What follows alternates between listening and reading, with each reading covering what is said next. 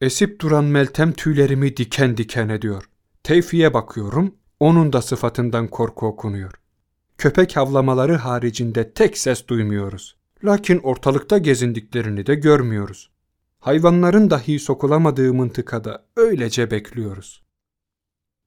Eski İstanbul'dan fantastik mavralar. Hayaletin gömüsünü nasıl yedik? Mehmet Berk Yaltırık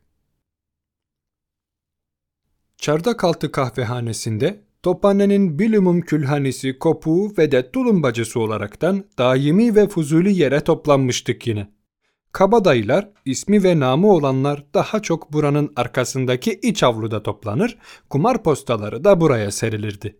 Ben ve Bencilay'ın birkaç gariban evvelce cüzi miktarda borçlandığımızdan buraya öyle pek sık girip çıkamazdık. Kahvehanenin peykelerinden, düz ayak oturaklarından öteye geçmez yerimizi bilirdik. Meteliğe kurşun atmaya niyetlendiğim, lakin atmaya kurşun dahi bulamadığım en yolsuz vakitlerimden birini yaşıyordum. Ceptelik, cepkendelik. Zaten mevcutta cep yahut cepken namına hiçbir şey yok. Belki birilerini koparırız yahut üç kuruşa avantamızı buluruz diye birkaç sefer Cadde-i Kebir'e, Galata'ya, Sirkeci'ye falan da düştüm ama iş çıkmamıştı. Çardak altında aylaklık günlerime hızlı geri dönüş yapıp peyke üstünde pinekleme zanaatında isim sahibi olmaya devam etmiştim. Fukaralık değil de beni en çok alemden, işretten, eğlenceden geri kalmak mahzunlaştırıyordu. Burnum rakının kokusunu, parmaklarım elen ileri rozaları özlüyordu. Yolsuz kalışım, sade işlerin kesatlığından yahut koparacak avanta bulamamamdan ileri gelmiyordu.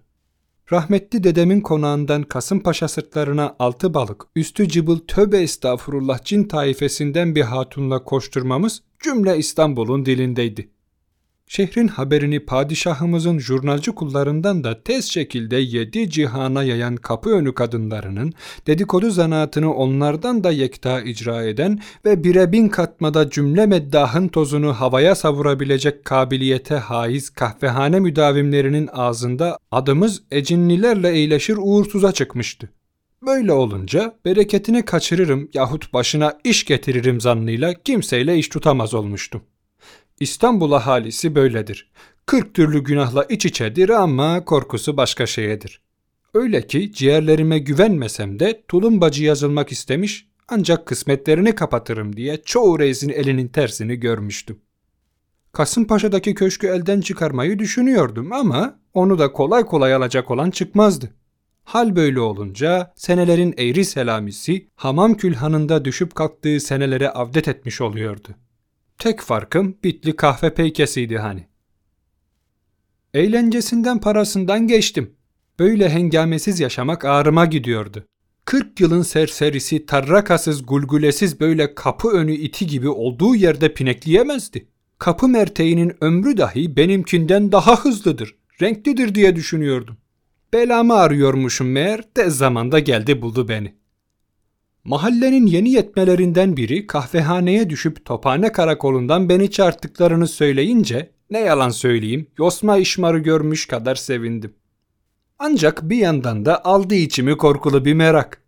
Karakolluk bir durum olsa mahalleden arkadaşım ve de ölümlü dünyada yegane ayaktaşım olan zabitlerden Arap Tevfik bana önden kandilli bir temenna gönderir, ardından usulünce arazi olup piyasadan fıymamı söylerdi benim karakola böyle çağrılmam hiç tekin değildi.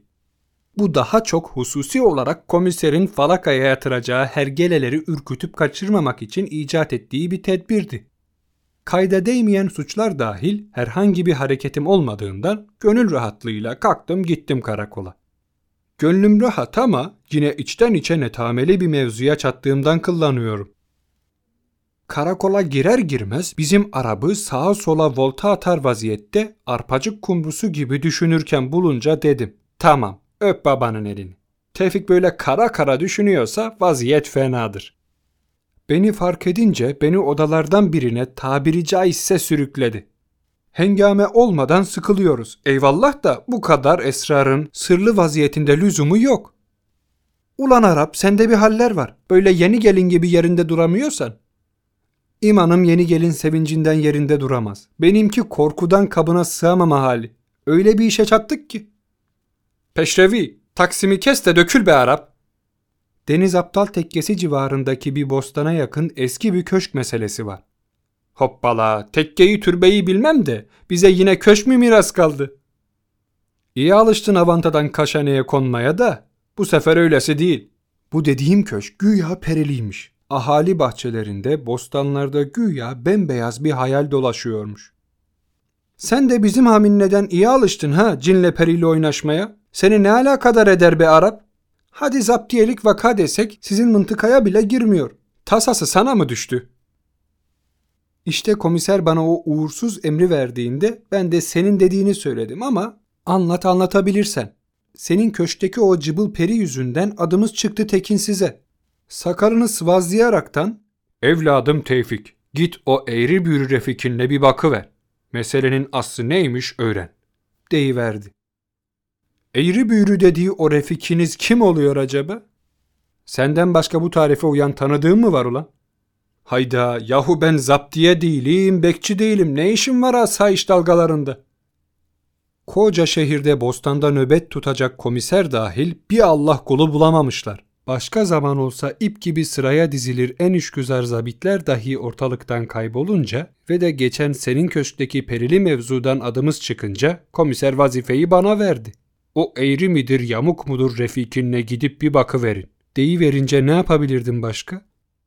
Komiser hangi eğri yahut yamuk refikinden bahsediyor acaba? Benim senden başka ahbabım mı var? Tabii ki de senden. Hoppala, ulan ben zabit miyim, bekçi miyim, ne işim var? Yolsuz kalmak yetmedi, bir de perili köşke bekçi olacağız, talihe bak. Neticede iş bizim üzerimize kalınca kalkıp el mecbur ta şehremini taraflarına yollandık. Komiserin bu işte bize tek faydası ikimiz de meteliksiz olduğumuzdan inayetiyle tek atlı bir araba tutması oldu. Bir de karakoldan iki fener aldırdı. Tevfik istersem bekçi dayağı da alabileceğimi söyledi lakin ekseriyetle boş gezmediğimden bileğime ve saldırmama itimadım sonsuz olduğundan istemedim. Akşama doğru Deniz Aptal Tekkesi yakınlarındaki bostana geldik. Hakikaten de burada diğer evlere göre bostana sokulmuş vaziyette etrafı demirden parmaklıklarla çevrili, ziyadesiyle bakımsız kalmış bir köşk vardı. Ama buranın öteki tarafında da birkaç köşk mükalledi bina gördüğümüzden emin olamadık. Civarındaki yollarda dolanırken mahalleden birilerine rastlayıp teyit ettirdik. Lakin daha hava doğru dürüst kararmadan ahalinin söyledikleri canımızı sıktı. Geceleri bekçi babalar bir yana külhanilerin dahi sokulamadığı o köşkün bostana en yakın köşk olduğunu, akşam ezanından sonra yakınlarından geçmenin tekinsiz addedildiğini, köşkün eski sahibinin hayalinin zaman zaman bahçede görüldüğünü bir bir anlattılar. Biz daha karanlığı görmeden adam akıllı tırsmaya başlamıştık. Güya bu köşk pek zengin ama kimi kimsesi olmayan, dükkanlarının kirasıyla sefa süren bir adamcağıza aitmiş. Köşkünde vefat ettiği vakitten beri dolanıp dururmuş. Tevfik'in saflığına gelip nasıl dolaşıyor diye sorunca gece az durun da siz de görürsünüz cevabını aldık. Köşkün bahçesini ve bostana bakan uzaktaki diğer evleri gören bir duvar yıkıntısına sırt verip cigaralarımızı yakıp havanın kararmasını bekledik. Zifiri karanlık yanımızı yöremizi sarınca bir de yatsı okunup el ayak çekilince korkuyu yaşamaya başladık. Göz ucuyla köşke bakıyoruz bir mevzu olursa görebilmek için ama gönlümüz hiçbir şey görmek istemiyor. Bahçedeki ağaçların hışırtısı ta bizim durduğumuz mıntıkada dahi işitilen gacır gucur ahşap sesler ürkütmeye yetiyor. Kahvehanede geceleri en aynalı sohbetlerde dahi mevzunun dönüp dolaşıp geldiği kara koncolos, gulyabani lakırdıları, perilerin mesken tuttuğu hanelerin söylenceleri aklıma gelip gelip duruyor. Esip duran meltem tüylerimi diken diken ediyor. Tevfi'ye bakıyorum, onun da sıfatından korku okunuyor. Köpek havlamaları haricinde tek ses duymuyoruz. Lakin ortalıkta gezindiklerini de görmüyoruz hayvanların dahi sokulamadığı mıntıkada öylece bekliyoruz. Ben tıfıllığımdan sokak köşelerinde, duvar diplerinde çokça yatmışım. Kahvehane peykesi bile atlas yorgan döşeli yatak gibi geliyor bana. İşte o duvara sırt verdiğim esnada biraz içim geçmiş. Tatlı tatlı uyuklarken Tevfik'in inceden inceye sol kolumu dürttüğünü hissettim. Tam Arap canın sıkılıyor herhalde diye söylenirken dişlerinin arasından fısır fısır başlatma ulan eğlencenden uyan da bak uyan deyiverdi. Gözümü mahmurlukla aralayınca karanlıktan gayrısını görmedim. Tam Tevfik'in yedi silsilesine söveceğim esnada gözüm beyaz beyaz bir şeyler seçer gibi oldu. Bostandan köşke doğru sallana sallana yürüyen bir hayal. Uykuyu üzerimden atınca üstünde entarisiyle, hırkasıyla tintin yürüyen iki büklüm bir bey babayı ayan beyan gördüm. Betinin benzinin soluk oluşunu duvarın dibinden dahi görebilmiştim. Adam köşkün bahçesinde bir yere gelip duraksar duraksamaz gözden yitince benim elim ayağım boşaldı. Asabiyem bozuldu. Köşke, Tevfik'e bizi getiren arabacıya tek tek sövmeye başladım. Tevfik kolumu çekiştirip bostanı yeniden işaret edince o an bende şafak attı. Yine aynı soluk benizli bey amca küçük ama hızlı adımlarla köşke doğru yürüyordu. Yine bahçeye gelince aynı yerde gözden kayboldu. Tevfik ne yapacağımızı sorunca okkalı bir küfürle karşılık verdim. Ulan hayalet dediğine söz anlatabilirsen tutukla bari.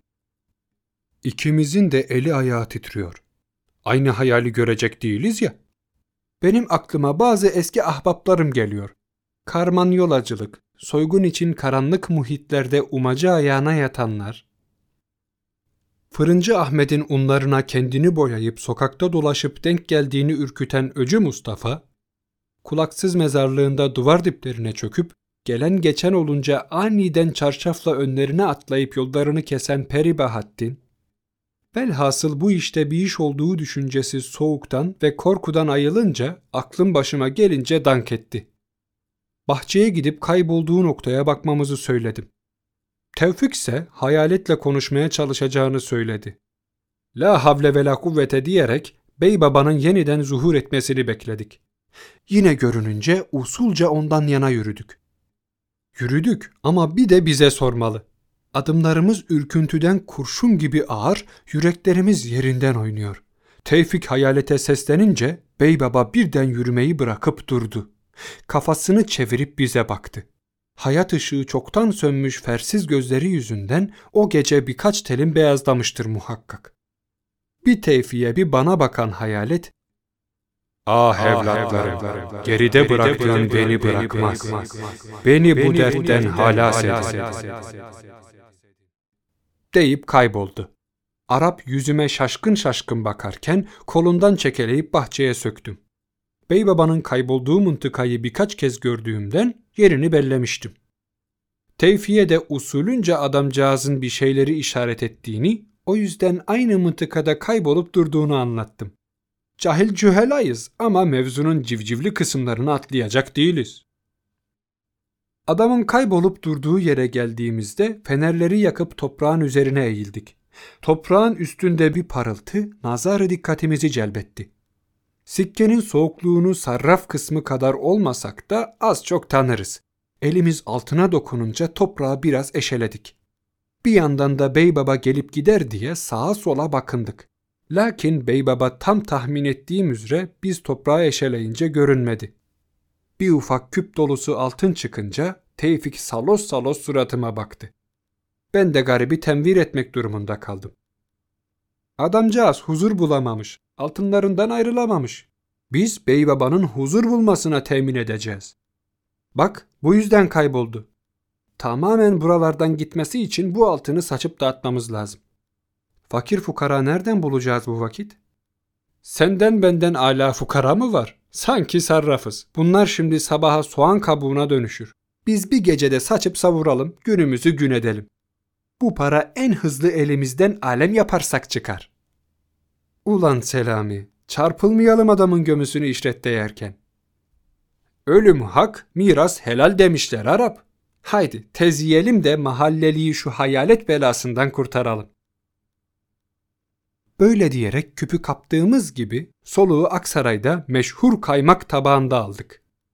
Ömrü hayatımızda göremeyeceğimiz ilgi ve alakayı, sohbeti, sazı sözü, yosmaların göbekler atmasını ve dahi eğlendirmelerini orada tecrübe ettik. İçerideki hatırlı kabadayılar dahi biri külhani, diğeri zabit kılıklı iki sefilin böylesine mala mülke sahip olmasına anlam veremeyip usulca bize sokulup kimi patlattığımızı, nereyi soyduğumuzu öğrenmeye çalıştılar. Sabaha kadar sefa sürdükten sonra orada sızıp kaldık. Öğlene doğru ayıldığımızda kalan son altınla bir fayton tutup soluğu karakolda aldık. Sakallı komiserin huzuruna çıkıp mahalleliyi hayalet belasından halas ettiğimizi söyleyince bize ilkin inanamadı. Lakin şikayetler bıçak gibi kesilince birkaç gün sonra çağırtıp ihsanda bulundu. Bu sefer de Tevfik'le adımız cinciye üfürükçüye çıkmıştı. Üstüne hayaletin altınlarını bir gecede yemekle nam yapmıştık.